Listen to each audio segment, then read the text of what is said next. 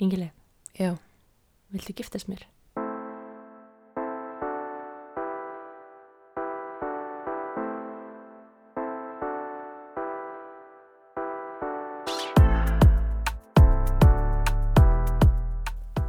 áður en við byrjum þáttinn langar okkur að minnast á kostunaræðala þáttarins en þeir eru Dominos og Cheeto Care.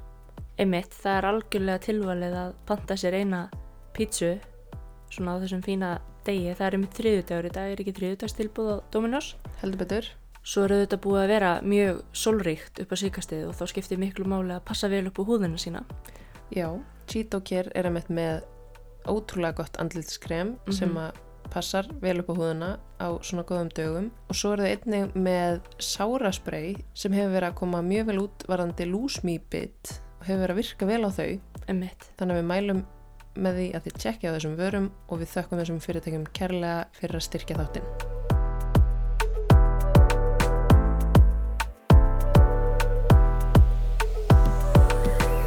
Giftast þér, segiru?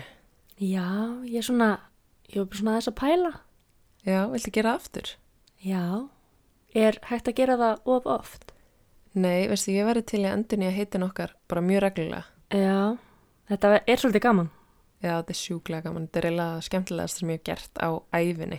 Einmitt, sammála, alveg klárlega, hérna okkur langaði að helga þennan þátt uh, giftingum, eða að ekki öllum giftingum, eða jú, jú, þess vegna, af því það er mjög gaman að gifta sig, en, en í ljósi þess að uh, þegar að þessi þáttu kemur út, þriðjudaginn uh, 7. júli, þá eigum við tveggja ára brúðkupsamali.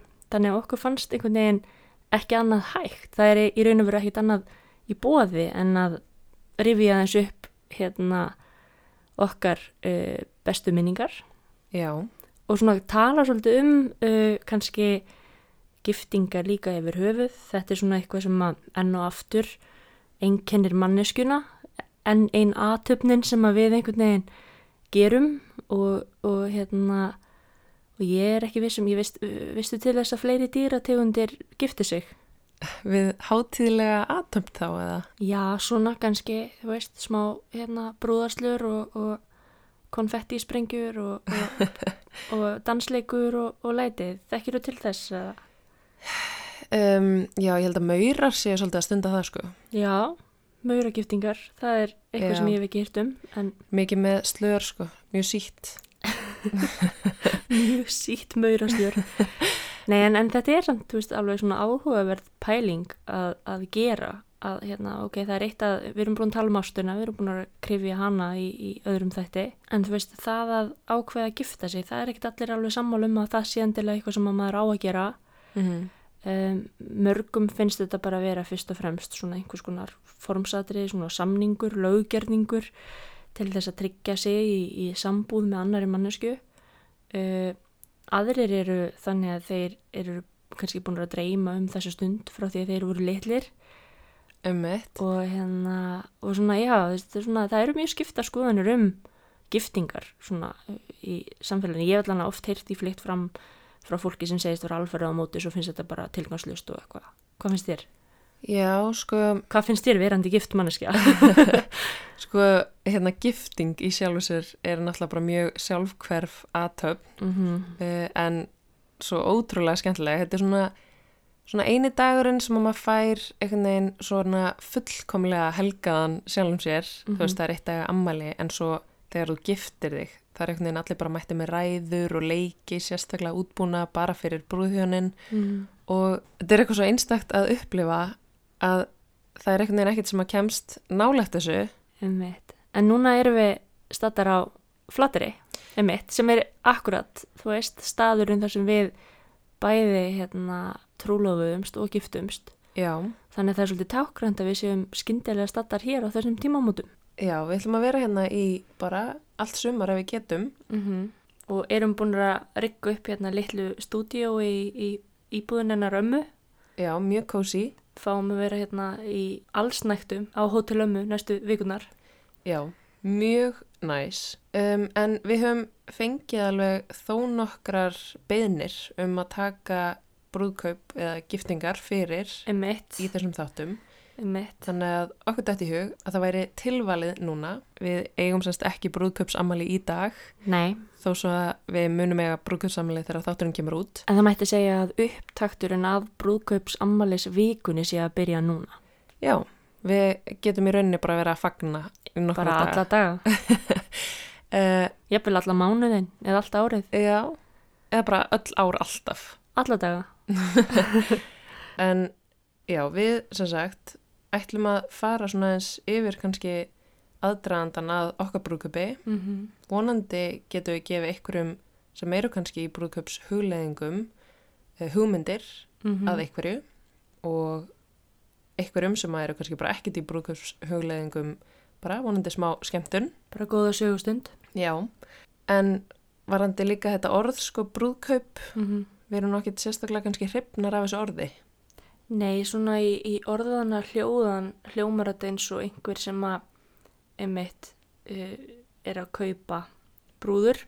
Já, já. eða þú veist það er talað um að kvongast líka eða ekki? Mm og svona og ef maður pælir í svona uh, tungumálun okkar þá er það mjög svona uh, hallar svolítið í það átt að, að þetta sé í raun og veru aðtöfn þar sem að fólk er gefið saman það er, þú veist, þetta klassísk um að byggja um hönd einhvers eða að byggja um leifi til þess að byggja um hönd einhvers -hmm. Þú veist, þetta er svolítið svona einblínir svolítið á í gegnum söguna allavega svona, uh, hvað maður segja, þú veist, sam, samning á milli tveggja kallmanna um það hvernig hérna ættin eigi að fá að þróast áfram eða eitthvað svoleiðis. Mjög sexist. Já, við skulum bara segja þetta á íslensku, en, en það er Eða svona... reyndar á ennsku. Já, nei þetta er íslenska. Nei, hérna, en það, það er kannski svona í grunninn, þú veist, það sem að svona, þetta kvílir á þessari hefð Mhm. og, og við erum svo sem ekkert að lasta hefðina, hún er bara eins og hún er en við ákvaðum allavega að fara svolítið aðrar leiðir með okkar ástarvislu Já, við brutum eiginlega bara held ég allar hefðir sem hægt er að bruta. við mölbrutum held ég flestar reglur.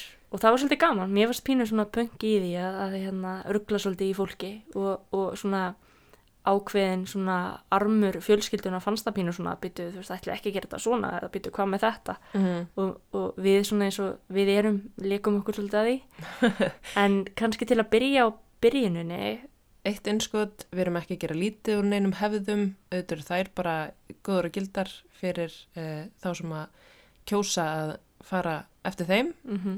En við erum bara svo miklir rebels að við ákveðum bara að gera eitthvað allt annað. já þú veist við þurftum bara að vera sannar gagvart okkur og hvernig við erum sem Mhm. manneskjur og ég held að þeir sem þekki okkur vita mæta vel að, að það hefði verið mjög úr okkar karakter allavega að fara eftir hérna einhverjum bókum hvað Mhm. þetta var þar Mm -hmm. Um, en ekki það, ég hef farið mjög mörg ótrúlega falleg hefbundin brúðkaup og, og það er einmitt bara alls ekki síðra sko. Hver og einn auðvitað bara gerir þetta eftir sínu höfði og, og, og þetta er einmitt til þess gert að, að búa til hérna góða stund í faðmi ástvinna og fagna ástinni. Já, algjörlega. En svona byrjunin á þessu öllu saman hjá okkur var Mhm. að sjálfsögðu trúlofun Já, sem að líka átti sér stað hérna á flættiri. einmitt, þetta er svona allt um leikjandi. E, það var svolítið svona hérna, sérstætt moment og eitthvað svona sem að ég held að muni seint gleymast Mm -hmm. og það var einmitt svona einmitt kvöld í önundafyrðinum Fyrir Eiginlega- næstu í sex árum síðan. fyrir næstu því sex árum síðan og í dag er búið að vera ótrúlega gott veður Mm -hmm. og það var eiginlega nákvæmlega svona veður Mhm. fyrir næstu í sex árum síðan og við hérna höfðum verið bara í selskap hérna á flatri og ég ákvað að sína þér leynistæðið minn. Mm -hmm. og hérna þetta er svona staður sem að er mjög nærri mínu hjarta.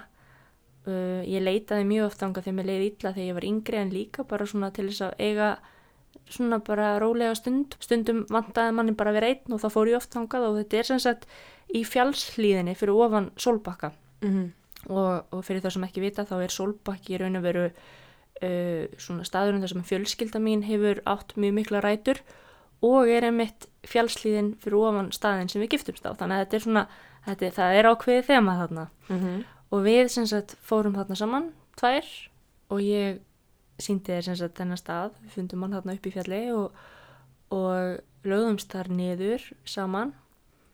Og um, útsýni var náttúrulega bara stórbrotið, við erum að tala um Þorfinn, Mhm. bara fallegasta fjall í heimi og, og við erum að tala um fjörðinn og, og sólina og, og, hvaðina og þetta var ekki planað en það hafði alveg svona kvartlað að mér að mér langaði að gera þetta þegar að svona ég fyndi að mómentið væri rétt Mhm. og auðvitað hafði alveg kvartlað að mér að vera, þú veist, ég pældi alveg þú veist, á ég að spurja eða á ég að býða eftir að hún spurja, þú veist, hvernig eru reglurnar með tvær konur einhvern veginn en ég ákvaði bara á þessu mómenti sem að við lágum saman og vorum að eiga mjög hérna, fallegt móment að þá svona bara vall upp úr mér þessu orð bara, Ingileif, viltu giftast mér?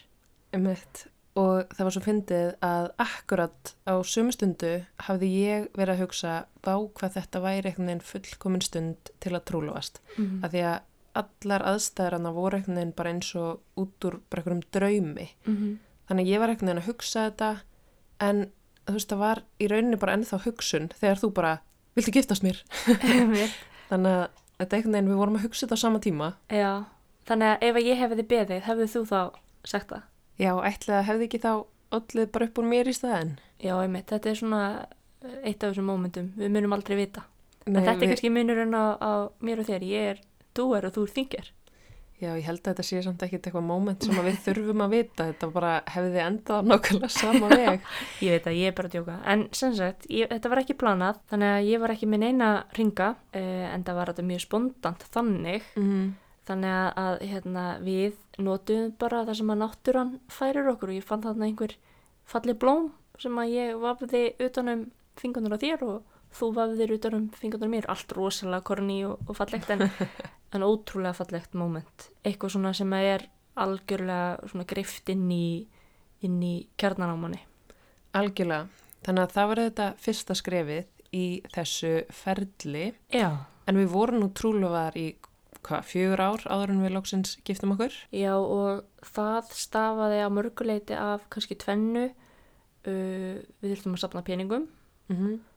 Og svo áttuðu mjög erfitt með að taka alls konar ákvarðanir og það var oft þægilegt bara að hugsa, herru við gerum þetta bara eftir tvö ár eða við gerum þetta bara þegar þetta er búið þú veist, ég var komið með einhver, einhver hugmyndir um að, að það væri ekki hægt að gera þetta á meðan að þú værir í lögfræðinni að því að þú myndir ekki hugsa um annað og eitthvað svona sem var auðvitað bara fyrirsláttur af því að ég var mjög stressuð yfir því að þetta myndi klúðrast, það er nefnilega það er ákveðin pressa að halda svona vislu sko. við vildum ekki vera típunar sem myndum halda óeftirminnilegt eða leiðilegt brúðkaup sko. ekki það að ég held að vilji enginn halda leiðilegt brúðkaup en, en þú veist, það getur ímislegt farið úrskeiðis í svona Já, þetta er einmitt alveg mikil pressa því mann langar að gera þetta vel og mann langar að gera þetta algjörlega eftir sínu eigin höfði mm -hmm. og eins og við á þessum tíma bara vorum strax með frekar skýrar hugmyndir um hvað okkur langar að gera en kannski vorum ekkit alveg nógu góðar í því að svona koma þeim hugmyndum í framkvæmt. Já, þú veist, það er ekkit mál að fá hugmyndir Mm. það er annað kannski að, að átt að sjá því hvort það séu gerlegar eða ekki Emmett, uh, en já, til að taka þetta kannski bara svolítið í skrefum, þá kannski best að fara bara fyrst í aðdraðandan að þessu Mhm. öllu saman, að því að hann hófst alveg lungu áður en, en veistlan sjálf var það veruleika vissulega og hófst í rauninni á því að við mitt vorum búin að vera að ræða alls konar hugmyndir sem vorum búin að fá og okkur langaði að vera hérna fyrir vestan mm -hmm. sem ég fyndi að því að sko þegar við kynntumst þá fannst, fannst mér fjärstaði kent að giftum út á landi. en mitt svo kom bara ekkert annað til greina Nei, flateri, alla leiðir liggja þangað. búin að ramma þetta einu sko en þá svona, emitt, fóru að velta í fyrir okkur hvernig okkur langaði að gera þetta hér mm -hmm. og þú varst svona búin að nefna um bara já, við gætum gert þetta í íþróttahúsinu, við gætum verið í samkomuhúsinu. getum verið úti eða svona með svona partítjaldmannstu það var einhvern veginn svona einhver pæling Já, en það var svona ekkit af þessu var beint að kveikja í mér mm -hmm. og ég var einhvern veginn komið eitthvað svona mynd í hausin á mér sem að þetta var ekki alveg að fytta inn í og þess vegna tók það líka svolítið langan tíma Mhm. fyrir okkur að veltast svolítið um með þetta, hvernig okkur langaði að gera þetta. Svo var það hvað, svona ári áður eða tveimur árum áður Ég held að það hafi verið alveg tveimur árum áður en að við enduðum á því að negla dagsinninguna sko að þá gerist það að fólk sem að við þekkjum eignast gamla ólíutangin e, sem að er rétt fyrir neðan sólbakka um þetta sem að við trúlaumst mm sem er eiginlega fyrsta húsi sem að blasir við þegar maður keirir inn í bæinn. Já, svolítið svona einhvern veginn einkennismerki að einhverju leiti Já, ég meinti lýsistangur, þetta er ekki ólíutangur. Emmitt, Gaman. lýsistangur Þegar ég var lítil var þetta smíðaverkstæði, svo var þetta beitningaskúr mm -hmm. og hefur verið hljóðver.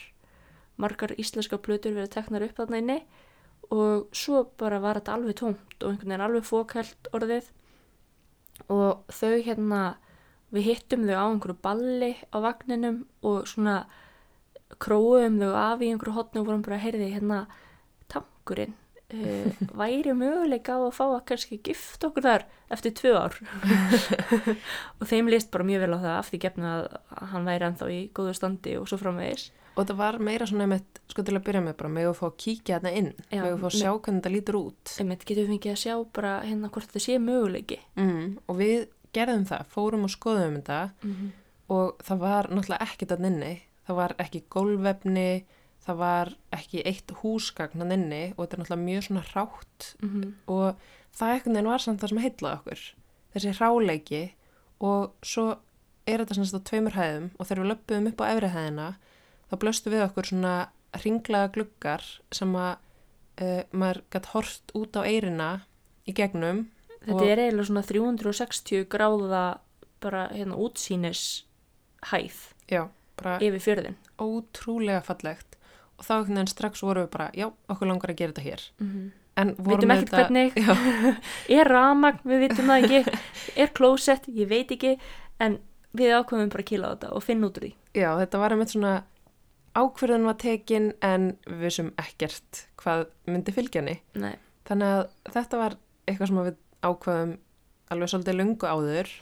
Eftir það tók svo við uh, gestalista vangaveltur. Mm sem var lifandi skjál í langan tíma Mm -hmm. eitt af erfiðasta sem að ég hef þurft að gera en Bara örglaða erfiðasta sem að ég hef gert á æfiminni. þetta var bara svo mikill hausverkur í svo langan tíma. já, og svo, svo erfitt einhvern veginn af því að við vissum að við hefðum bara takmarkað pláss Mm -hmm. að þá var ekkert hægt að leifa sér að, að fara út í það að bjóða hérna, öllum sem við hefðum vilja bjóða en, en það var bara þannig og, og hérna, það tókst á endanum Algjörlega og það sem að við þurftum að huga að svolítið löngu áður og við gerðum í raunin alveg bara mörgum, mörgum mánuðum áður sem að er kannski líka ágætt fyrir fólk sem er að fara að gifta svo út á landi að hafa í huga mm -hmm. að við letum taka frá öll gistipláss hérna á flatri. einasta Mm -hmm. Mammina Marju, hún fór í það að bara pikka í alla sem eru með einhver laus gistipláss hérna mm -hmm. eh, hvort sem eru gistihús, heima, gistingar eða, eða hvað sem það var og það var bara allt tekið frá þessa helgi. svo tóku við svolítið að okkur bara að skipur ekki einhvern veginn líka og heyrðum í fólki og spurðum hvort það vildi fá gistingu eða ekki og svo eiginlega svolítið plöntuðu við fólki bara á staði eftir Mhm. því Já, bara svona, hérna, hversu mörg eru þið og, þú veist, hver viljið þið gista? Já, Og- viljið vera ein eða ekki og eitthvað svona? Og, og þetta einhvern veginn hefnaðist fullkomlega. Það einhvern veginn fengu allir gistingu við hæfi Mm og það hefði samt ekki mátt standa tæpara sko en, en, en þetta tókst. En þarna mitt fór alveg líka mjög mikil vinna í svona póstl Mhm. sem að maður kannski gera ekkit ráð fyrir í upphafi. Þarna var ég mjög þakklátt fyrir eiga þólumóða mömmu sem að hérna er bókaldari. Já, en sem sagt og, og elskar Excel. Það var mjög þægilegt að því að hún hérna gæti svona haldið ágætlega utan um þetta skipula því þetta var algjör hausverkur til að byrja með Mhm.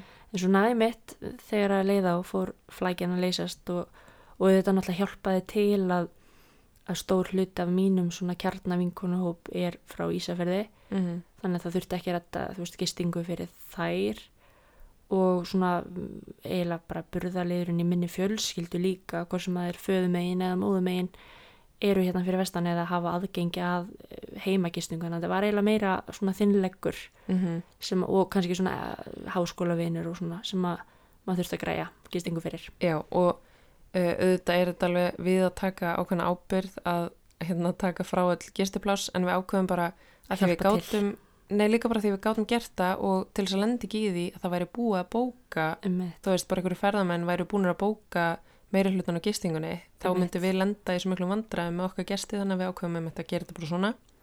Og það hefnaðist svona líka vel. Við fylltum bara hérna bæinn af hérna brúðkaupsgestum Við tvöfölduðum í raun og veru íbúðafjölda flatarar þessa helgi. mm og það var nefnilega svolítið fyndið að við vorum eins og við erum búin að koma inn á búin að vera að viðsynast með, svona- með hann gestalist okkar í langan tíma og komumst svo að niðurstöðu að lókum um að bjóða 170 manns Mm og við gerðum ráð fyrir því að það kæmu kannski svona 120 Mhm. í mestalegi, þú veist við, 130, 20, eitthvað svo leiðis. Já, þú veist, við gerðum ráð fyrir alveg allavega ykkurjum afföllum Mhm. að því að, þú veist, í fyrsta lagi vorum við út á landi og í öðru lagi, emitt, bara ferðalag, heil helgi, veist, Það er alltaf einhverju með önnur plön. Já, og ekkit allir sem að komast.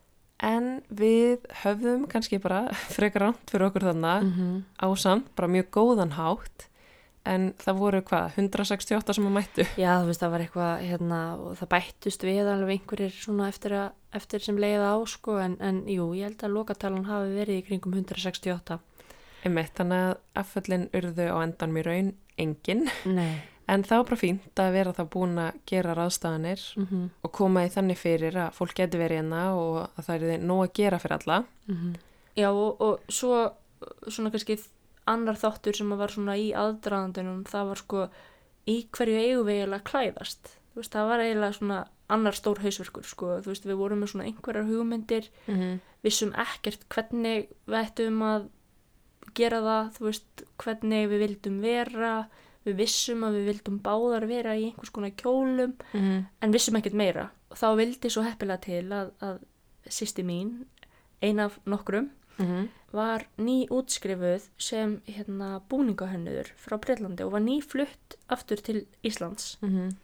Og við áttum mjög góðan fund með henni og spurðum hvort hún væri til í að taka að sér að sauma kjóluna okkur. Þannig að það var svona mjög persónulegt. E, hún var til í það og sagði við okkur að við þurftum bara að útvega efni Og okkur langaði mitt líka sko á þessum tímapunkti að fara í ykkur svona mátun bara til að sjá hvað við myndum fíla, þú veist við Mhm. höfum ykkur hugmyndir um hvernig við vildum vera en svo veit maður ekkit hvernig það kemur út þegar maður er komin í. um eitt, eitthvað sem að lúkar vel á blaði var síðan bara absúrt þegar maður var komin í, í dressið sko Einmitt, þannig að við ákveðum þannig að bóka okkur bara ferð til London mm af því að þar getum við farið í mátun og um leið fundið efni eins og hún var búin að byggja okkur um að gera. Þannig að við bara pöntum okkur fara út fórum þar í mátun og sáum alls konar sem að var ræðilegt en líka alls konar sem að var fínt og gátum notað sem svona reffa fyrir kjólan okkar. Og svo var það náttúrulega bara erfiðasta mission lífs okkar að finna þessi efni. Eitt blúndu leitar missjónu mikla. Ég sko ángríns vissi ekki að það væru til svona margar tegundir á blúndum í heiminum. Nei, einmitt, þetta var svo erfitt. Og það var hann heil gata í bara miður í London sem virtist að vera helguð blúndum og, og svona ok, ekki bara blúndum, bara svona efnum, þú veist, Mhm. þetta var svona búðir sem seldu alls konar efni og við þrættum hverja búðina og fætur annari í heilan dag uh, í þeirri, þe- þeirri von að finna uppáhalds blúndun okkar. Ég hafði ekki mjög sterkar skoðanir á blúndum áður fyrir en, en eftir því sem leið á daginn var ég orðin algjör bara hérna blúndu sérfræðingur. Einmitt, svo einmitt fannst þú hérna fullkomnu blúndu. Já, hvað, þetta var alveg mjög dramatíst þannig að lokin. Vorum ekki búin að borða og drekka mjög lengi og það var heitt úti og við vorum þreyttar í fótunum og hérna ég fann hérna fullkomnu blúndu sem ég sá algjörlega fyrir mér að það geti verið bara málið. Og passaði mjög vel við svona ákveðin reffa sem ég var með. Mm og við vorum bara, herrið þetta er blúndan, bara við kaupum hana. Bara hérna, ég man ekki hversu marga metra eða hvað, hvað það var sem við þurftum. Svo erum við bara hérna spurjum svona búðamannin, þú veist bara er þetta ekki alveg öruglega ævori, ekki hvít hann bara, jú, ég held að bytta aðeins ég ætla að kíkja, fyrir með blúnduna út í dagsljósið. Nei, nei, hún var bara skjanna hvít. Þar með gáttu við ekki kæft hana því að sýsti mín var algjörlega búin að segja að það væri ekki búið að þetta veri hvít. Nei, því að sem sagt, ef hún er algjörlega hvít, blundan eða efnið, þá verður það svona eiginlega blátt í Já, í- dagsljósi. einmitt, við vildum það ekki. Nei, en ef það er ivory, þá er það meira svona off-white. Já, og það svona fallegt og mjúkt úti í dagsbyrtunni. einmitt, en við fórum þarna í kapplup við tíman og ég man, klukkan var bara rétt fyrir lokun þegar við loksins fundum blundur og við svolítið svona tókum bara svona ákvörðum bara, herðu ok, gerum þetta bara, við kaupum bara þetta Mm -hmm. og ferjuðum alveg heilan hellinga af einhverju efni hérna heim til Íslands og sýsti mín tók við því og hún saumaði báða kjólan okkar af einstakri snild. Já, þeir voru ótrúlega fallegir og þeir pössuðu einhvern veginn ótrúlega vel saman, tónuðu svona vel saman, þannig að við vorum alveg ótrúlega ánæður með loka útkomin á þeim. Já, þú varst í kjól en ég var í svona hérna pilsi og svona stykki yfir sem Mhm. að leit út eins og kjól en var ekki alveg kjól. Mm. Þannig að, Báðar í blundu að ofan og Já. með svona, svona efni, efnispils að neðan. já, Mjög skemmtilegt. já, við vorum ansi fínar þó ég segi sjálf frá. Ég myndi segja það. En þetta var allt vissulega hluti af undirbúningnum. Mm -hmm. En svo eins og við komum inn á þann, þá vorum við með alls konar hugmyndir sem við áttum erfitt með einhvern veginn að koma í verk.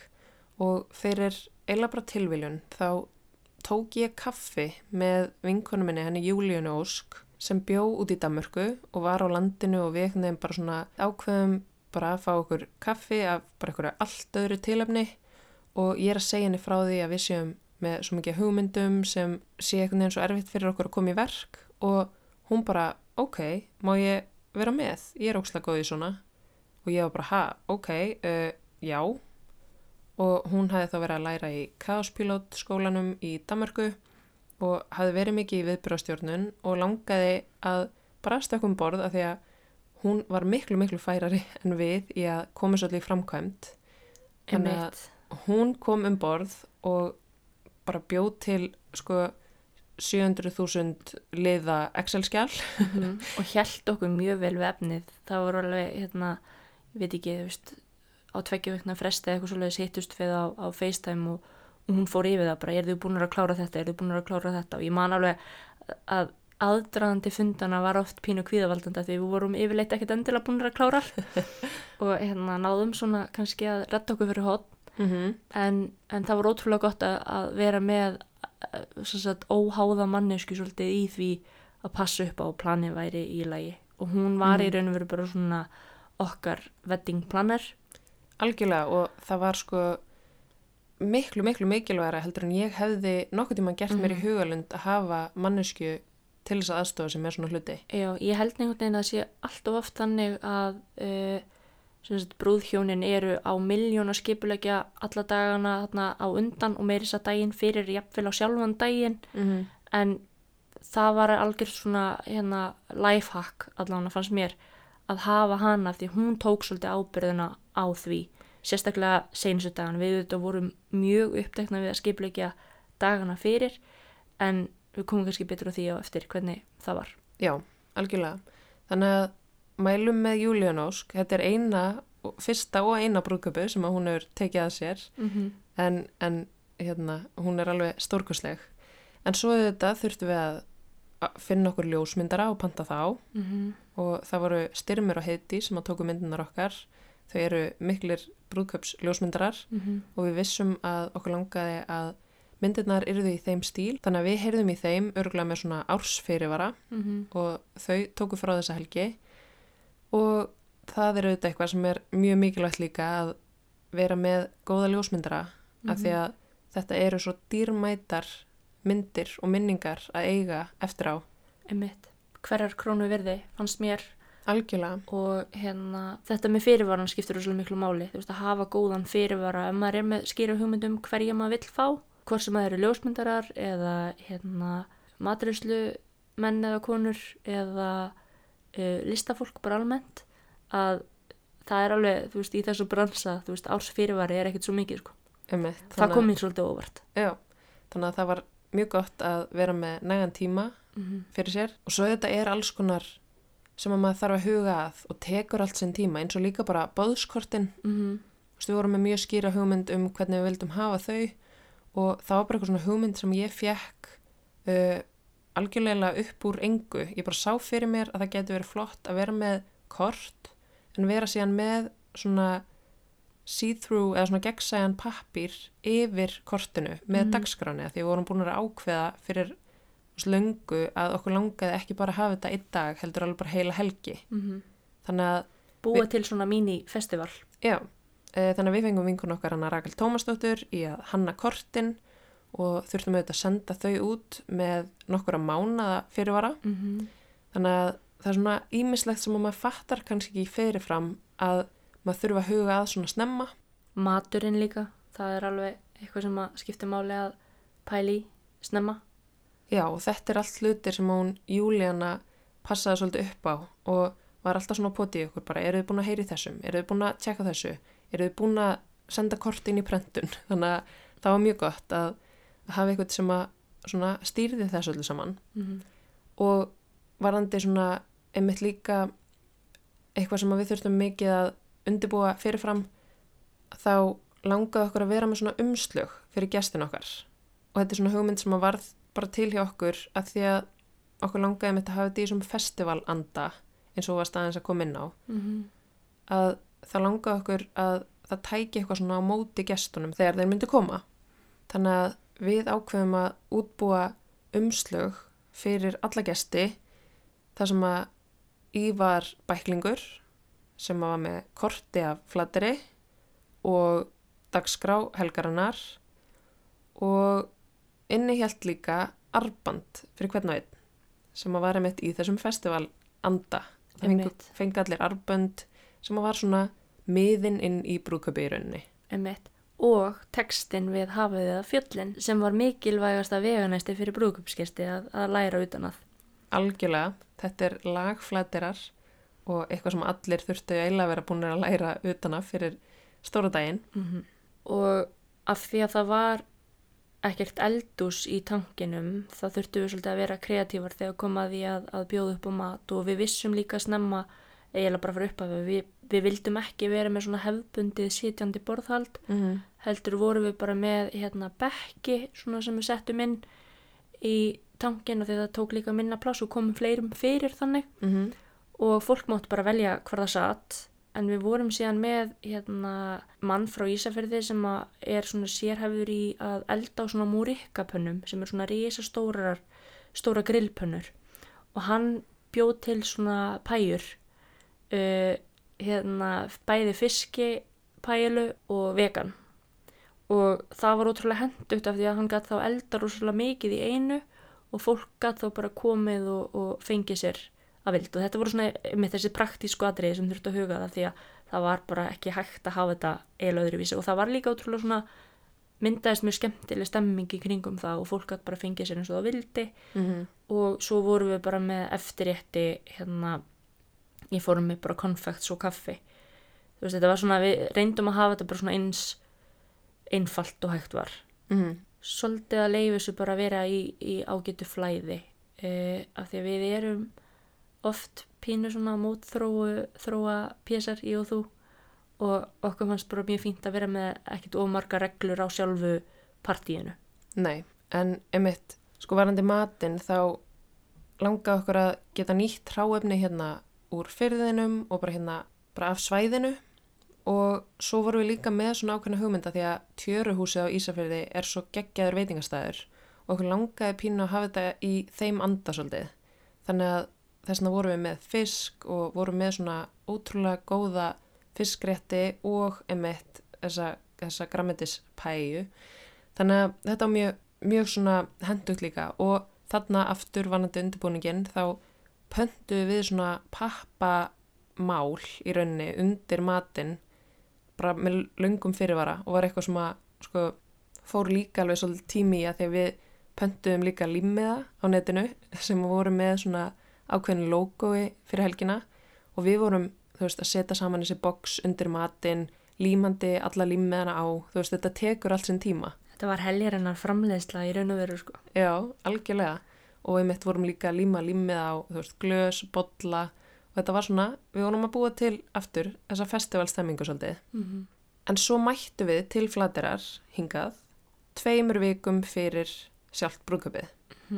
og við tók í raun og veru bara tveggja vikna bras þetta var svona hérna bara hverjum einasta degi þá fórum við bara í vinnufötin og allt frá því að, að einmitt reyna að gera tankin að stað sem hægt var að halda brúðköp á uh, yfir í það að þurfa sko að því að við giftum okkur sem sagt úti sem sagt sjálf aðtöfnin var úti en, en veislan var inn í tankinum að það var hérna svæði bara rétt fyrir neðan tankin þar sem er mjög fallegt lón uh, beint fyrir neðan sólbakka.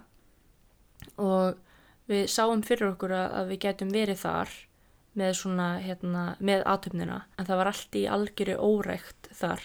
Þannig að Helga Lind mar besta vinkun okkar og hérna og andlegu liðtói hún hérna verandi með mikla reynslu úr bæjavinnunni mætti bara með orfið og, og sló allan blettin á hvaða tveimur, þreimur dögum.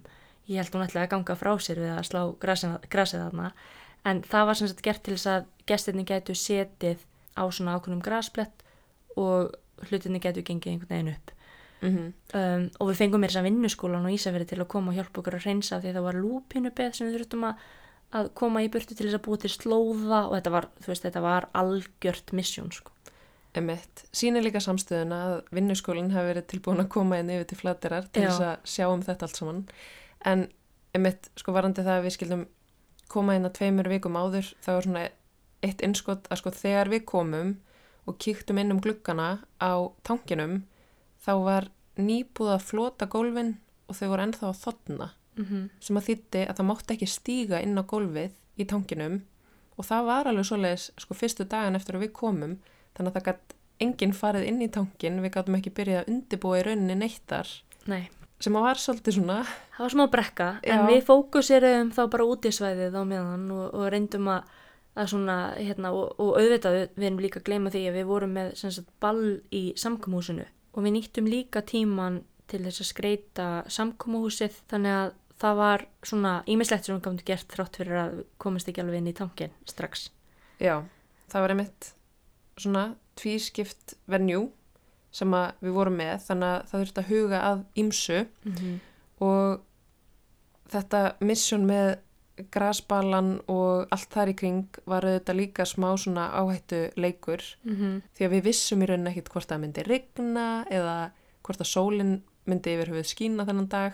Emmett hvort er þið bara kvast og kallt eða, eða hvað sem er. Þannig að þetta var algjört áhættu atriði en, hérna, en svo voru svona alls konar konfektmólar sem að við fundum eiginlega bara upp á staðnum þú veist eins og við vorum á rúndunum og sáum gumul fiskikur sem fengum lánu til þess að gema hérna drikkina í.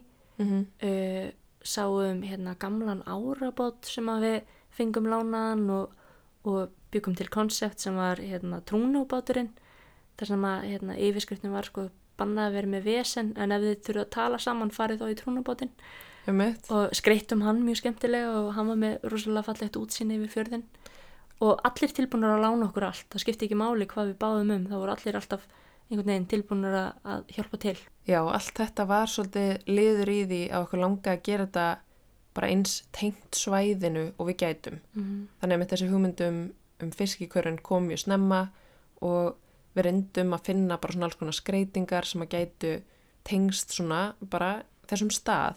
og leifa svolítið hráleikanum að, að vera fallegur Mm Og svo aftur að tankinum að því að þú talaði líka um það áðan að okkur langa ekki vera með sitjandi borðhald að þá sko voru við búnar að panta bekki með svolítum fyrirvara mm -hmm. og þurftum að fá málin á þeim öllum og málin á tankinum sjálfum Mm -hmm. til þess að teikna upp hversu mörg borð kæmust inn í tankin og þetta var allt saman reikna út til þess að við gætum verið með þetta rétt og til þess að við kæmum öllum fyrir og það var sko mikill hausverkur með það hvort við ættum að hafa borðin uppi eða niðri mm.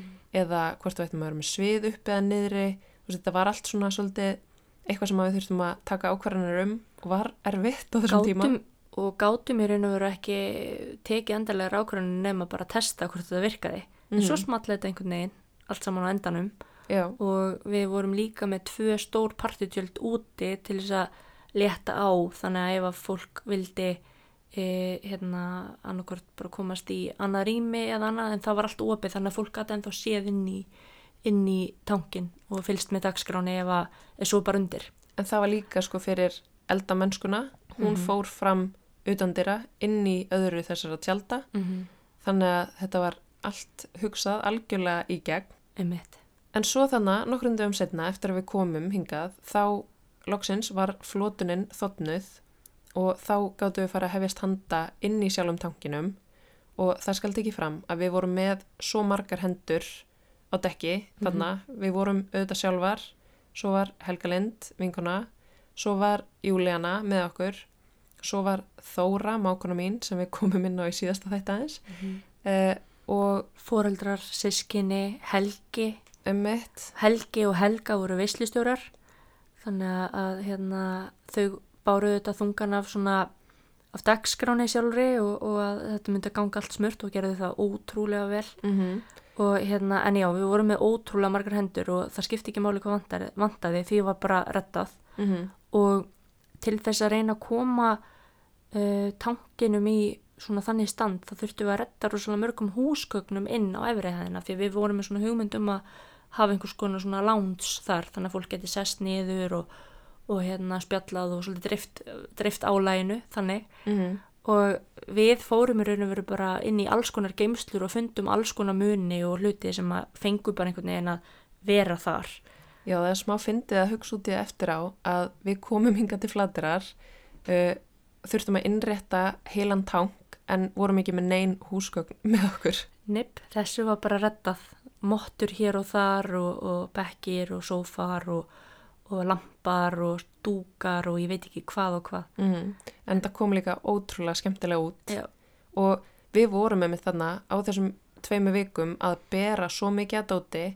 Uh, við vorum sko orðnar helmassaðar þegar lúksins kom að, að sjálfum deginum og auðvitað allir sem voru með okkur í þessu voru að hjálpa okkur svo ótrúlega mikið. Þetta er ekki eitthvað svona brúðkaup sem að við bara pöntum eitthvað sal, eitthvað riggaði honum upp og við bara mættum. Nei, nei, við vorum bara öll einhvern veginn í sko bara vinnugölunum að gera þetta alltaf veruleika. Þess vegna líka var þetta svo skemmtilegt af því að maður lagði svo ótrúlega mikla vinnu e, í þetta Mhm. og það var svo gaman að, að, að upplifa þetta síðan. Einmitt.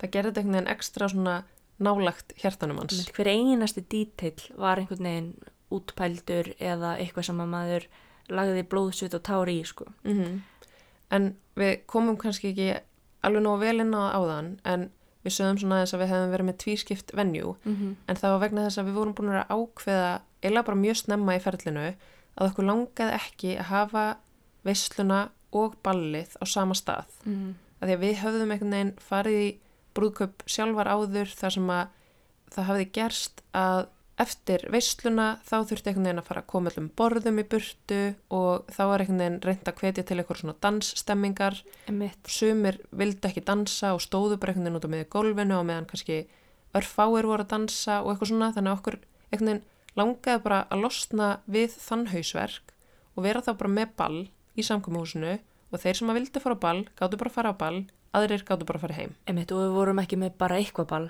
við vorum með strang heiðalegt sveitaball Mm -hmm. með sko aðal hljómsveit bæjarins sem kallast F1 Rauður og fyrir þá sem ekki vita þá er F1 Rauður sem sagt forgangur einn Rauður það er útkall björgunarsveitana þetta eru björgunarsveitamenn í bænum sem að mynda þessu hljómsveit og hérna við báðum ekki með neitt nema bara þrjusustuð í þrjá klukkutíma Mm -hmm. og þeir stóðu heldur betur við það Mm -hmm. og svona, annar, annað praktist mál að oft er fólk orðið svangt á þessum tíma og hérna þannig að, klukkan 12 þá fengum við mitt björgunarsveitina til þess að vera bara með pulsusölu fyrir utan hérna e, samkomuhúsið.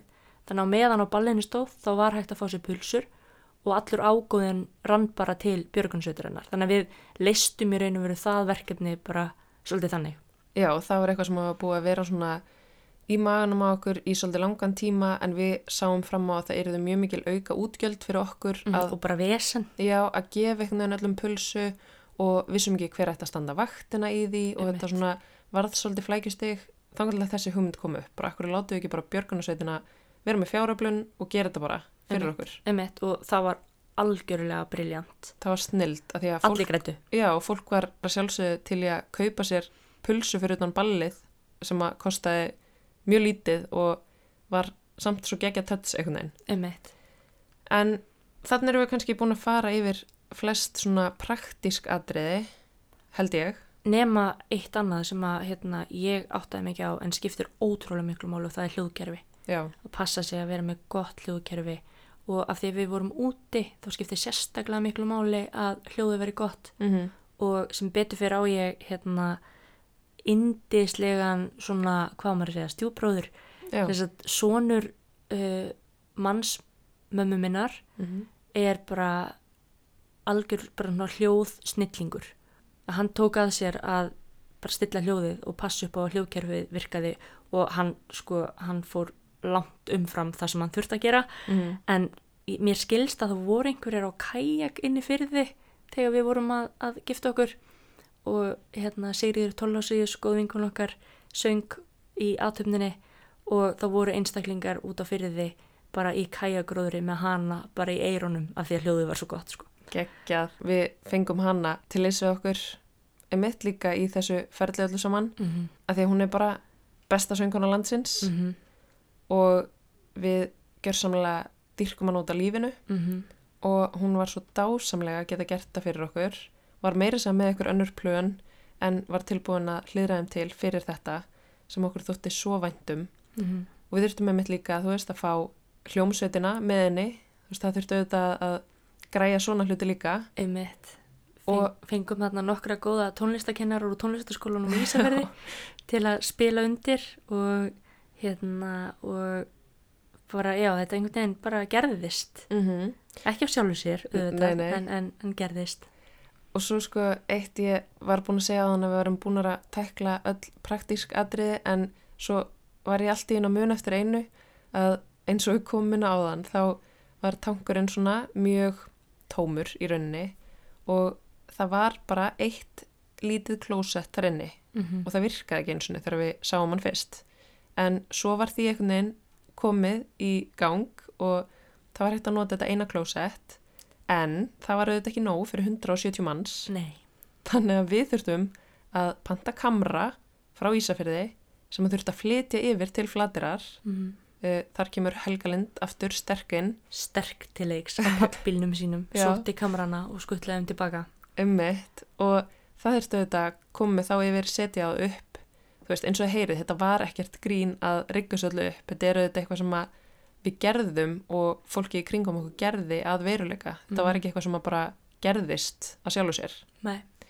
þannig að þetta var, var að mörgu að huga vægast sagt Mm en ef við förum aðeins bara í sjálfa dagskrána Já, þá hófst þetta auðvitað allt á fymtudeginum með grilli og, og varðeld og sólbakka. Það var svona til að taka móti þeim sem að koma á þeim degi mm -hmm. og svolítið svona hugsa til þess að hrista hópin saman. E, auðvitað þekktust margir en alls ekkert allir og svona vinahópanir fengu svolítið að, hrista sér saman þarna og fjölskyldan og, og svona. Það var ótrúlega gaman. Já og þar var í rauninni bara leifi til þess að bara detti í það og fara Einmitt. og fólk fór svolítið bara all-in í djammið. voru með varðeld og, og gítarspil og, og mér skilst að síðasta fólkið hafi verið að skrýða heim um 6-7 sko, það var alveg mjög gott partí Já en það er líka, við gerðum það viljandi að hafa það tveimur dögum fyrir veisluna en Einmitt. ekki deginum áður. fólk að jafna sig daginn eftir Já, og byrja daginn á sögugöngu með ömmu minni, það er ekkit betra í þingunni en, að- en að fara í góða sögugöngu um flateri einmitt. og amma mín var þarna á rafskutlu af því að hún var eitthvað tæp í njánum þannig að hún var alveg búin að retta, retta þessu að, að hún fekk rafskutlu lánaða og, og hérna skautað um bæinn á henni e, og sagði, sagði gestum frá alls konar fróðleiksmólum tengdum bænum, hún var búin að leggja mikla vinnu í það og það var alveg indislega stund. Og það var ótrúlega magna að þegar við vorum að klára sögugönguna þá enduðum við fyrir utan vagnin vagnin er sem sagt kráin á flatri og hérna, þar vorum við með alls konar dagskrá líka um helgina. Og vorum með hérna, barsvar um kvöldið og, og brönns á sunnudeginum. Og eigundur staðarins voru búin að mála regnboga mm. fyrir utan vagnin og það var alveg svona moment þar sem við táruðumst smá, það var ótrúlega skemmtilegt einhvern veginn að klára gönguna og þetta blasti við. Þau einhvern veginn búin að vera að hafa fyrir því að mála fyrir okkur þessa fínu liti. Já, því að við vissum ekkert af því og vorum ekkert búin að sjá þetta, komum svo þarna að og þetta var bara svona ótrúlega falleg stund. Einmitt. Og þessi regnbói var alveg mjög lengi á flattir og, og það var útrúlega gaman að sjá, þú veist, alltaf hérna einhverjar Instagram myndir alveg lengi vel Mhm. af þessum regnbóa. Það mætti alveg vera þann ennþá. Já, alveg. við skulum bara fara á málan aftur núna í sumar, nægu Já. tími. en já, svo er mitt á föstaskvöldinu vorum við með barsvar eða pubquiz Mm á vagninum sem eru þetta bar allra landsmanna, Krá allra landsmanna. afsakið krá allra Rétt landsmanna. rétt. Þar lærði ég að drekka. Við skulum bara hafa það á hreinu. Já, það er náttúrulega besti pub landsins Já. og þar vorum við með tvær vinkunur okkar, það er Elisabethu og Hönnu Mm sem að sömdu ótrúlega skemmtilegt pubquiz. og þar fengum við svolítið bara að vera gestir í raun og veru og, Mhm. og, og vorum þarna bara í mjög góðum gýr og svo kom að því eftir að við bara kvöttumst ég fór að gisti hjá mömmu minni og þú hjá mömmu þinni. Mm -hmm. og við ætlum bara að hittast næst þegar við vorum að fara að gifta okkur. Já, og, Og- þarna er mitt sko smá einskot varandi þetta kvöld að því að við vorum búin að tala um það að allir hefðu svolítið verið að rinja í það hann á fymtaskvöldinu að þá vorum við sko með limit á drikkjum hann á Já, förstaskvöldinu. svona, svona vinsamleg tilmæli. Já, við vildum ekkert að fólk væri kannski að drekka allt og mikið það kvöldi að því að svo var það auðvitað að koma í aðtömm daginn eftir. Já, þannig að það var, það var eitthvað drikki hámark sem ég held reyndar að hafi ekkert verið ég held að sérstaklega enginn mikið hafi fyllt í sko. En það var alltaf læg, það voru allir ferskir Já, daginn eftir. fólk bara ábyrða á sér sjálft, Já, svo sem En já, eins og þú segir, þá fórum við síðan hana í, í sikkvart húsið, mm þú hjá mömmu þinni og ég hjá mömmu minni. Já, og þá skall þetta svolítið á einhvern veginn í haustum á minni bara já, byttu já, við erum að fara að gifta okkur, Mhm. emmitt og það var ótrúlega, ótrúlega hérna, kósi og ég vaknaði daginn eftir þá voru sískinni mín búin að gera brönns fyrir mig. Og ég, ég hafði ægilega ráðgjör af því að það erði beikonlykt á mér af því þau voru búin að steikja beikon og hérna og svo fórum við bara í förðun.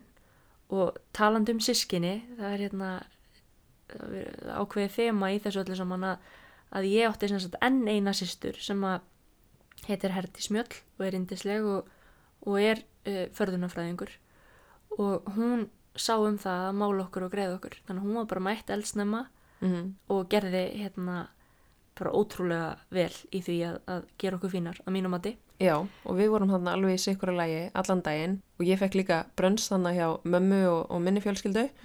Og svo er mitt skipti, hún herdi sér á milli okkar, málaði okkur svona á víksl og svo kom Alexia kjólamestarinn mikli og klætt okkur og það skal tekið fram á þessum tímapunkti þá voru við ekki búin að fara inn í tankin í tvo daga. Nei, okkur var bannað að koma sagt, Helga Lind og Helgi og Júlíana sem voru svona teimið á bakvið Mhm. þetta uh, mættu okkur á miðvíkudeginum, nei, fymtudeginum Mm -hmm.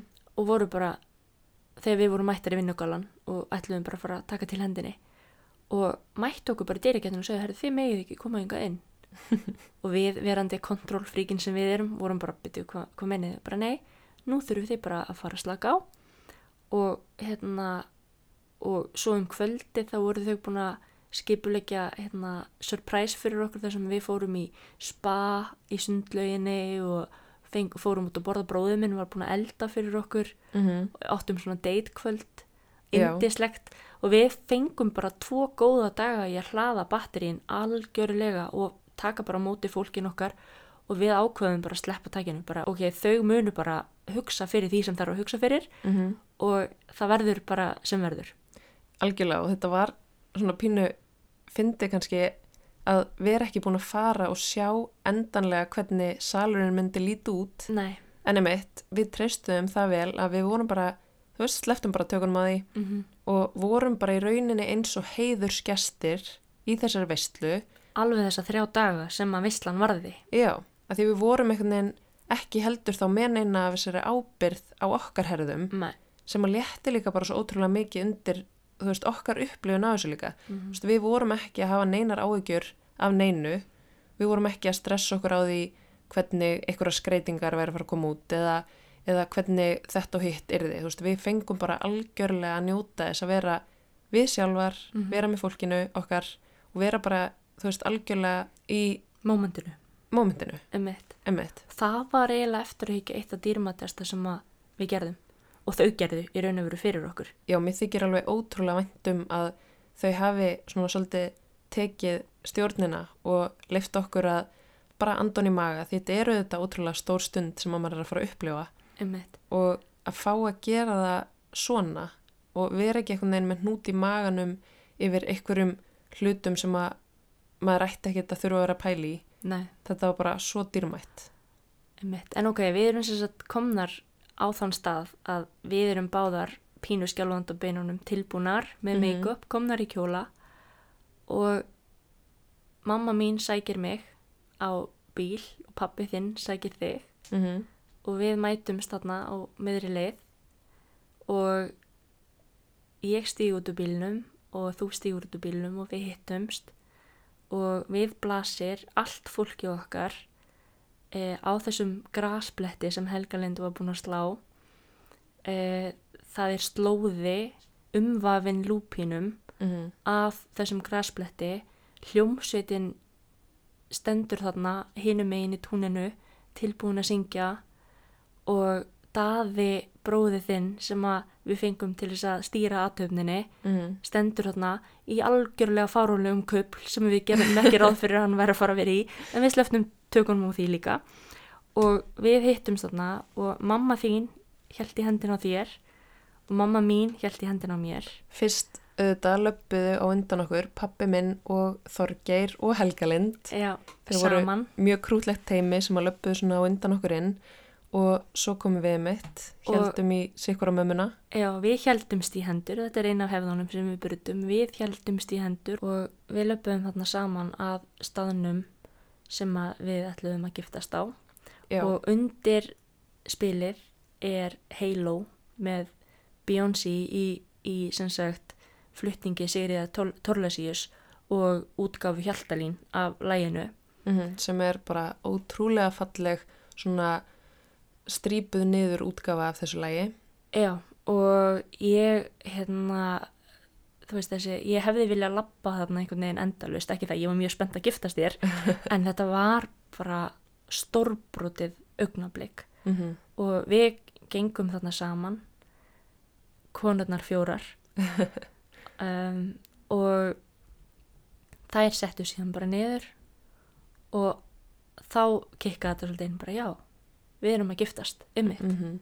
Já, og við vorum sem sagt búnar að láta búa til, eða stjúpappi minn, hann ditti, hann var búin að búa til svona einhvers konar altari, ég veit ekki hvað við getum kall- kallað þetta, en þetta er svona rammi með uh, svona ótrúlega fallegu makreim, held ég að það sé kallað svona, svona hnútum eða svona, svona eiginlega eins og gardínu nema bara svona, svona bóhó hnútar einhvern veginn. Mjög fallegt á Pinterest. Einmitt, við hérna pöntum það bara á netinu og hann smíðaði svona ramma þar sem þetta hjekk á og þetta var út á svona lítilli bryggju einhvers Mhm. konar, Við út á lónið lón, já. Já. og þangað gengum við bara saman og þar átti aðtöfnin sér stað Mm og þetta var einhvern veginn bara algjörlega draumi líkast við töluðum til hvoranarar. Daði bróðiðinn var með mjög fallega ræðu mm -hmm.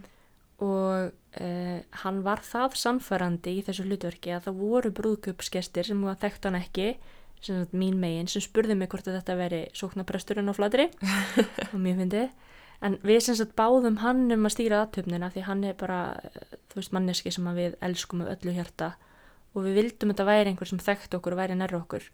Af því að uh, við vorum búnar að fara til Síslamanns nokkrum vikum áður og ganga frá svona formulega þættinum þannig að Mhm. þetta var í raun og veru allt bara svona uh, einhvers konar ekki gjörningur en þetta var svona bara aðtöfn Já, í okkar anda og Daði er ekki prestur og hafði í rauninni ekkit vald til þess að gefa okkur saman en við gáfum hann með þarna það vald að vera aðtamna stjóri í rauninni. Já, og hann gerði það ótrúlega vel og við töluðum þarna til hver annarar og svo spilaði hljómsettin og Sigriður Torleysi söng uh, Into My Arms sem er svona lægið okkar með Mhm. Nick Cave Mhm.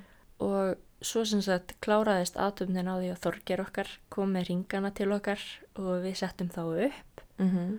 og þá byrjaði lægið You Got The Love með Florence and, the Machine og það var algjört stuð og við löpum saman, öll þrjú, fjölskyldan þá Mhm. voru við bara þrjú og hérna löpum aftur tilbaka og gestirnir voru búin að raða sér þá svona meðfram öllum slóðanum Mhm. og allir gripu smá lúpinu í hendunar og hendu lúpinu yfir okkur öll Já, og það var semst uh, Helga Lind og Helgi og Júlíana voru búin að sapna þvílikt mikið af lúpínu Mhm. og gáfu gestunum í svona einhvers konar ösku þannig að fólk hafði uh, lúpínu sem að gætt kastaði mitt svona í staðin fyrir hrísgrjón eða, eða eitthvað öðru Mhm. og við gengum út við þetta og þarna var þetta bara mega stuð, allir í geðögt góðum gýr Mhm. og sólinn einhvern veginn skein og sem betur fer þá ringdi ekki, það, það svona leit út í upphafi það var mjög tæft Já, það leit út fyrir að geti ringt, það komu held ég þrýr drópar en svo fengum við bara ótrúlega gott veður Mhm. og þarna á þessum tímapunkti vorum við bara, vá, veist, þetta bara, þetta gerðist, þetta Einmitt. er bara er að gerast. Og allir einhvern veginn svo ótrúlega glaðir og brosandi og, og þetta var alveg dásamlegt. Og þarna á þessum tímapunkti er okkur í rauninni bara skuttlað beint út í bíla. Mhm. eða út í bíl. Og við kerðar í myndatöku. Mhm. uh, alveg hinum einn í ferðinum í Holti þar sem er svona ótrúlega fallið strönd og fallið bryggja. Og við förum bara þar í myndatöku á meðan brúðkaupsgestinir fara í tankin og koma sér fyrir. Mhm. og við einhvern veginn byggumst bara við því að við vorum að fara í þessa myndatöku og kemum svo bara tilbaka og myndum skála við fólk. Mhm. og svo, það var þetta nú okkar plan. Já, einmitt, svo erum við búin að vera í þessari ótrúlega fallegu myndatöku og komum tilbaka og það er engin sjáanlegur. Nema ein vinkun okkar sem var að gefa brjóst Já, niðri og við vorum bara býtu hvert fór, fór allir gestanir hvað já, við löpum bara inn í tankin og það bara er engin á neðri hæðinni. Mhm. og Júlíana tekur á mót okkur og segir okkur bara að hafa engar áhyggjur, heldur bara að fylgja sér. Og hún leiðir okkur að tröppunum upp á efri hæðin á tankinum og segir okkur að nú séum við að koma inn í svona ákveðna upplifun og að við eigum að lappa þar í gegn og eigum í rauninni ekkert að segja neitt við neitt, heldur eigum við bara að fara hann í gegn og meðum horfa í augun á fólki og, og við einhvern veginn skildum ekkert um hvað hann var að tala en löpum svo upp á þessu efri hæð og þá voru allir gestinir búin að raða sér upp í svona spíral Mhm. þannig að við löpum þar í gegn og sjáum þá hvern einasta gest og gátum einhvern veginn hort framann í alla og lappað inn þennan spíral og 168 manneskjur bara þarna saman komnar á efri hæðinni í tankinum Já, og það sem við vissum ekki þessum tímapunkti var að allt teimið okkar var búið að vera sko í nokkra daga að mæla burðaþól þessa, þessar hæðar. Af voru bara ok, þú veist, annarkvort erum við að fara að drepa alla eða þetta gengur upp, við verðum bara að taka sensinn Já, það var, það var tvísynt með að hvort að, að hérna, hæðin myndi falla eða ekki, Mhm. en, en þau voru nú búin að rekna það út að, að það væri ekki. Þannig að við komum hana og löpum hann í gegn og endum í miðjunni þar sem að fjölskyldunar okkar stóðu og þetta var ótrúlega magnað og ég held að það sé ekki takt að útskýra þetta með orðum. Þú veist, þetta, þetta hljóma kannski undarlega, ég veit það ekki, en þetta var ótrúleg stund Einmitt. og við komum þannig síðan í miðuna, horfum í augun á okkar nánasta fólki og þá á sér stað svona ákveðin serimónia sem að Júlíana leiðir og hún fór með ótrúlega fallega ræðu og var með svona ákveðna hluti sem að, sem að er kannski, já, bara eitthvað sem við munum eiga bara fyrir okkur Mhm. uh, og er bara einhver upplifun sem að var bara út úr þessum heimi en fær svo okkur til þess að leggja höndina á mömmur okkar Mhm. og svo lögðu allir brúðkaupsgestir höndina á aukslina á næsta manni þannig að við vorum í rauninni öll tengd á þessum tímbundi Mhm. og þessi serimónia er bara eitthvað sem að sem að ég mun aldrei gleyma. Nei, og ég held að enginn að þinni muni nokkuð tíma gleyma. Fullkomin þögn. Og svo segi Júlíana eftirfærandi orð. Já, og nú ætli þið að dansa fyrsta dansin ykkar. Já, og við bara, ha, við? Nei, byrju, það, var ekki okkar prógrami og við horfðum bara okkur aðra og vorum bara, og bara hvað, ég var bara að dansa hér, það er engin tónlist, hvað, hvað að gera? Nema hvað, þá byrjar Sigriður Torlesíður að syngja a cappella inn í tankinum, mm into my arms aftur. -hmm. og við byrjum að dansa og svo þegar kemur að við, viðlæginu þá taka allir undir í tankinum. Ég fæ sko gæsa það núna bara þegar þú segir og þetta. það voru sko, ég veit ekki, ég horfði í augun og svo mörgum, það voru allir hágrátandi og þetta var svona moment sem að bara veist, það er ekki til vídeo á þessu ég held að séu varla til myndir af þessu og það er bara allt í lægi, því þetta fer ekki neitt Ég er sko að tárast bara að tala um þetta núna af því að þetta Æ. var ótrúleg upplöfun af því að við byggumst svo alls ekki við þessu mm og það að allir skildu taka undir með lægin okkar -hmm. þetta var bara, þetta var ótrúlegt og þá voru þau búin að plana þetta allt saman án þess að við hefum hugmyndum það. Þess vegna máttu við ekki komin í tankin það var náttúrulega búið að hlýðra til öllum húsgögnum Já, til þess að þetta geti gengið upp. Þannig að já, þetta var svona þetta, þetta er bara svona momentið. Já, ég hérna held að sé bara ágætt að það sé ekki til myndband eða myndir af þessu vegna þess að þetta var eitthvað sem að maður bara á í hjartanu sínu. Mm -hmm. og þetta er bara eitthvað sem að við munum aldrei gleyma og hver einasti gestur að nynni á í hjartanu sínu með okkur. Já, og það eru þetta bara allt fólki okkar sem okkur þykir svo ótrúlega vendum mm nema hvað, svo bara klárast dansinn og þá bara er skálað og visluhöldin hefjast. Konfettisprengjur og allt á efrihæðinni og allir með glas í hönd Hryllingur. og þetta var bara, þetta var ótrúlegt. Og þetta var einmitt aftur eitthvað sem að við vorum ekki búin að þurfa einhvern veginn að veist, plana skipulegja að hafa ágjur af á neittnátt nei, engin hausverkur þarna. Bara höfum ekki hugmyndum þetta að vera að fara að gerast en þess vegna var þetta held ég líka svona ekstra indislegt og dásamlegt og eftirminnilegt af því að þetta var eitthvað sem var bara gert fyrir okkur. Einmitt, og ég hefði aldrei heyrt um eitthvað svona áður Nei. þú veist, og þetta var bara svona algjörlega uník. Þannig að já, en svo bara settumst við niður á neðri hæðina og veisluhöldin hófust, við vorum bara gestir í einn brúðköpi mm og þetta var bara stórbrotið, bara hvert skemmtiatrið á fætur öðru uh, geðveikt góður matur og bara ótrúlega mikill bara hlátur, gleði, gaman eins og þetta á að vera. Og það er ekkert við hana dag sem ég hefði viljað gera öðruvísi. Nei, og veistlustjórnarnir okkar stýrði þessu sko af einskerri snild Nei sko þau ætti í raun og verið að gera út á þetta sko. Þetta var sko ótrúlega velgert og það sem að e, þau voru líka búin að gera var að þau settu sko limit á það hversu marga ræður máttu vera eða bara í rauninni hversu mörg atri og þau gerði í rauninni kröfu á þá sem að vildu koma fram að það væri eitthvað meira en bara ræða mm. þannig að þetta voru bara tíu atriði nema þau voru öll fólu öll eitthvað í sér sem að var meira en bara orð sem voru töluð til okkar Einmitt. og þetta var svo ótrúlega skemmtilegt og þetta gerði það líka verkum að það varð aldrei neitt langdreið þú veist það var aldrei stund hann inni sem var einhvern veginn leiðileg Nei og fólk fekk alveg sko nægt frelsi til, að, til þess að mingla, til þess að fara á milli staða, ná sér í drikk, borða mm. Mhm. það var aldrei neitt stress mm -hmm.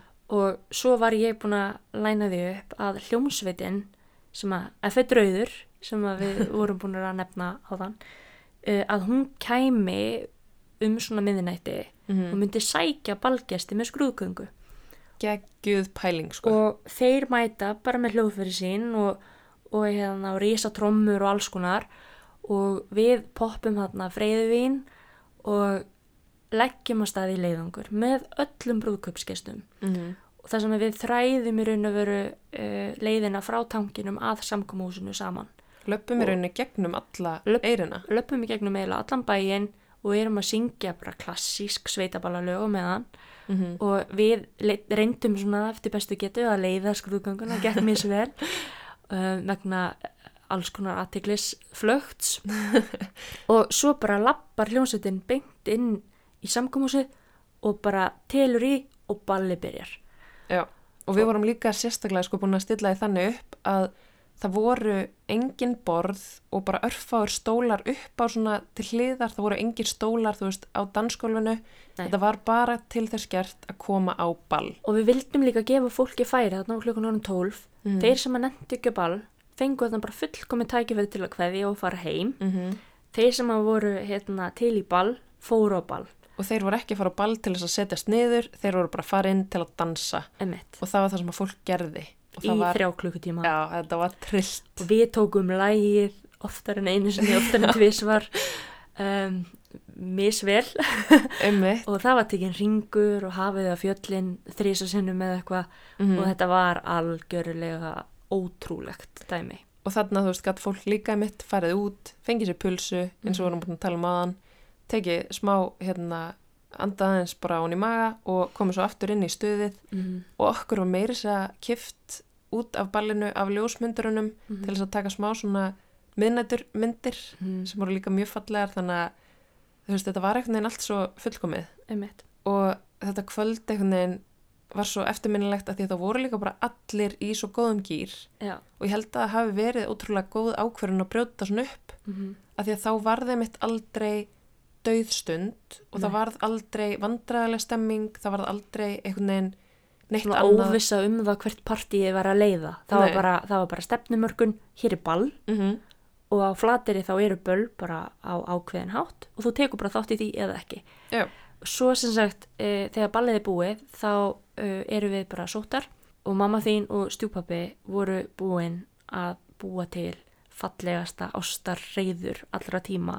Já, Hann á sem sagt mjög stort svona hérna hjólísi hjólísi sem hann hafði keirt alla leið frá Eskiferði. mm Því var plantað beint fyrir ofanfjörðin og mamma þín var búin að dunda sér við það og við vissum þetta ekki Nei, dagana fyrir að skreita hérna, ástarreyðrið eins og þau kölluðu það, hjólísið já, vorum búin að skreita það með bara alls konar fallegum dítilum og það var kampavínsflaska sem beð okkar og konfekt. Og var búið og hún var einhvern veginn bara búin að gera þetta fullkomið.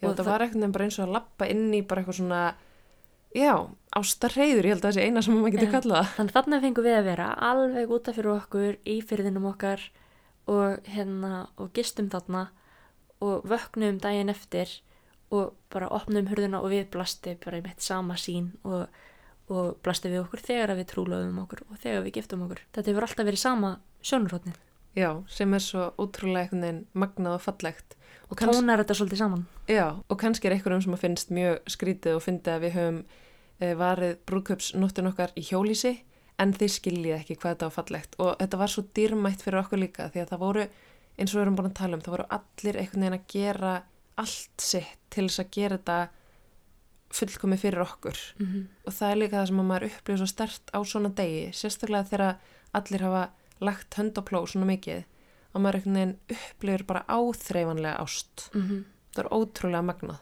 Þetta er bara, eins og ég segi, bara ótrúlegustu dagar lífis míns mm -hmm. og ég get ekki beðið eftir ég að giftast þér aftur. Nei, vákvæði hlaka til.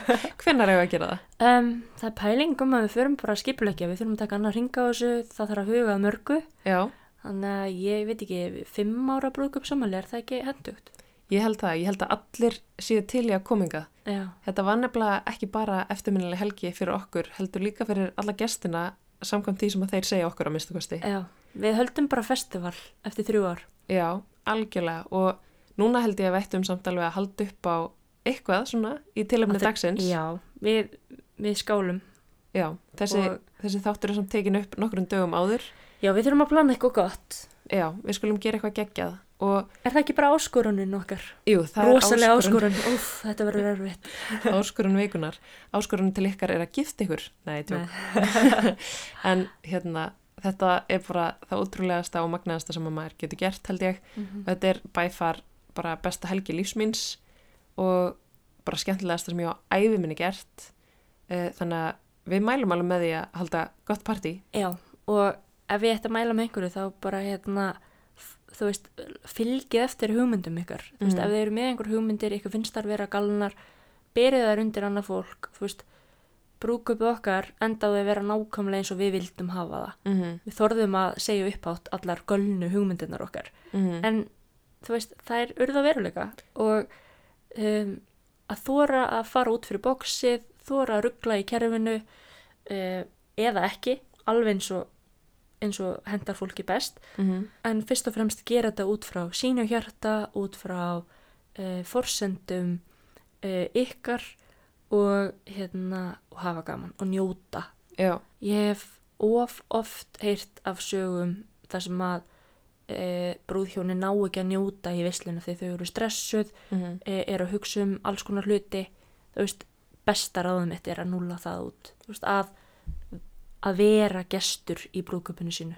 fá fólki sitt einmitt til þess að hjálpa sér uh, og einmitt þóra bara að taka eitt skref tilbaka og njóta Mm -hmm. í staðin fyrir að fyllast af stressi að því að auðvitað er þetta ótrúlega mikið stress sem að maður getur farið inn í en það að stíða tilbaka og njóta þess var bara það dýrmætasta sem að við gætum gert og einmitt eins og þú segir með að sko að segja hugmyndunar upphátt sko þegar ég hugsa tilbaka og fæ ég smá svona kvíða hroll af því að þegar þessi hugmynd kom fyrst upp og allt í kringum þetta þá virkaði þetta algjörlega óyfirstíganlegt. Mhm. og það var mikið fólki sem að sagði við okkur þetta muni vera ógeðslega erfitt fyrir ykkur að exekjúta og meiri segja þú veist, heyrði ég af því að eitthvað svona frængur voru að segja við mömmu mína bara nokkurinn dögum fyrir veist, hvernig í veröldinni ætlaði að gera þetta. Það er ennþá bara allt í rugglinu Emmett, þetta er bara kaotíkin hérna uppmáluð. en svo að því við vorum með svo gott fólk með okkur í liði sem held í rauninni alveg utanum þetta þó svo að við varum mjög kaotískar að þá var þetta veruleika og þetta var fullkomið. Ég hefði ekki viljað breyta einum einasta hlut. Nei, og kannski svona til að kjartenda þá bara njóta ekki þjóta. Já, Og að því sögðu, þá þökkum við fyrir uh, þennan þátt. já, ætlum að þjóta Ætlum að fara að þjóta, við þurfum að mæta núna á, á og halda áfram að, að njóta. Einmitt, vonandi eru þið eitthvað að njóta, Ekki þjóta. hjálp. Og bara njótið uh, sumarsins og við byggjum bara að heilsa hérðan frá flatteri, Já, skilum hverju hérðan. að lokum langar okkur að þakka kostundum þáttarins kærlega fyrir stuðningin en þeir eru Dominos og Cheeto Care og sko ég er búin að vera að hugsa nú erum við hérna stattar á flateri Mm -hmm. og erum að fara að ferðast töluvert hérna um kjálkan í sumar eini gallin við þetta svæði er að hér er ekki eftir að manta Dominos Nei, það er einmitt ákveðin skellur. en það er pæling hvort við kannski fáum senda pítsu heim með flugi Við gætum einmitt kannski látið eitthvað setja hann bara í fraktuna. já, Það ekki bara. eða kannski einhverja vinn okkar sem eru að koma vestur að Já. kippa einni rjúkandi heitri með vestur En þó við getum ekki panta Dominus hérna á kjálkanum, þá erum við hins vegar með fullt af góðum kremum með Já, okkur. vel nestaðar af kremum Já, við erum sannst með body lotion, body scrub, andlitskrem mm -hmm. og fullt af ótrúlega góðum vörum frá Cheeto Care. Þetta eru vörur sem við erum búin að nota núna í svolítið tíma og ég held að andlitskremi frá þeim sé bara eitt allra besta andlitskrem sem ég hef prófað. Já, ég er með mjög vandláta húð og ég get alveg sagt það fyrir mitt leiti að, að þetta er eitt besta krem sem ég hef nokkuð tíman prófað Mm -hmm. og þannig að það er ekki, ekki flókið að mæla með því. Þannig að, að þetta eru kostundi þáttarins og þeir gera okkur klift að halda áfram að, að búa til efni og halda raunveruleikanum gangandi sem er gaman. Þannig að við þökkum þeim og við þökkum ykkur fyrir að hlusta og við heyrumst að vikuleginni.